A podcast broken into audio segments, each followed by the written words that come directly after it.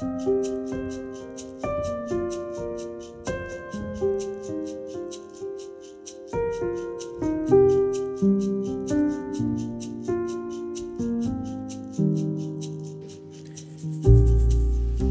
ganger er det spennende å gå på jakt i de små detaljene i Det nye testamentet, f.eks. når Paulus i sine brev stadig omtaler sine gode medarbeidere.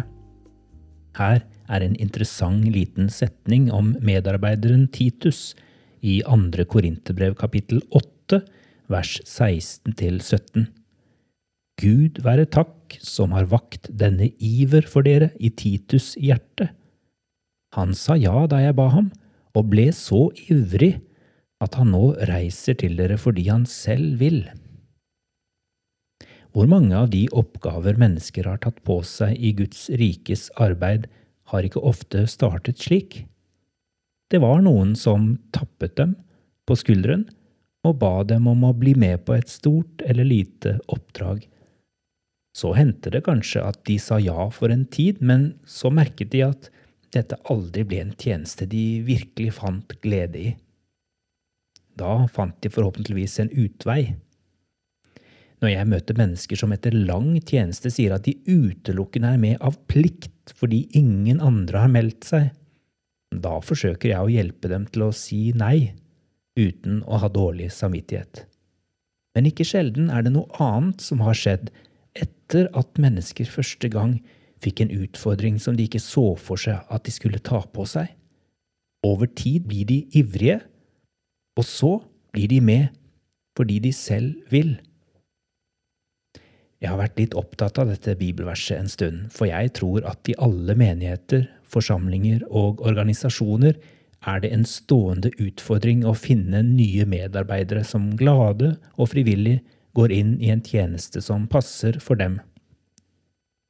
De siste årene har vi blitt langt flinkere i kristen sammenheng til å vektlegge at mennesker ikke skal stå i en tjeneste de ikke liker, eller ikke syns de passer til. Vi har også lært at mennesker skal få lov til å si ja til å bidra i en begrenset periode, og så skal de få lov til å si nei til å fortsette eller takke ja til en ny økt. Men jeg spør meg om vi er blitt litt for redde for at folk skal bli med på noe de ikke kjenner at de har så lyst til. Da en annen forelder i håndballen spurte meg om jeg kunne tenke meg å være oppmann for våre døtres håndballag, ba jeg om betenkningstid. Jeg tar trenerjobben hvis du blir med som oppmann, sa han, og så sa jeg ja, mest av plikt. Men jeg ble værende i den oppgaven i sju år fordi jeg syntes det var gøy og meningsfylt.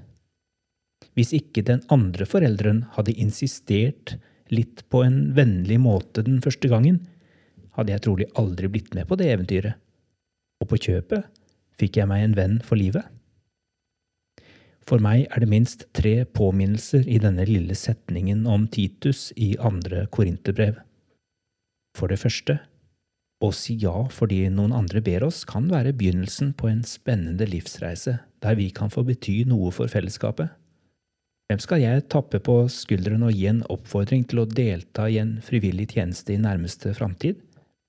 Husk at det som senere blir til en iver og en fri villighet, ofte begynner med en annens varme og kanskje litt insisterende oppfordring. For det andre, den andre reisen skal du få lov til å si nei takk til uten dårlig samvittighet, hvis du kjenner at dette vil du slettes ikke gjøre videre. Det kan være så mange slags årsaker til det. Du har lov å si nei.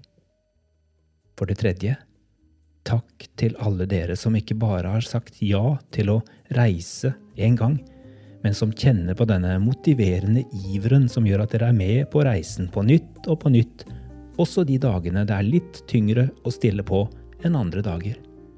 Menighets- og organisasjonslivet er helt avhengige av frivilligheten og medarbeiderskapet dere viser. Forresten, er det noen som har tappet deg på skulderen i det siste? Svarte du ja til en første tur, selv om du ikke hadde så veldig lyst i begynnelsen? Det er ikke sikkert det er for sent. Husk at det kan bli begynnelsen på et lite eventyr.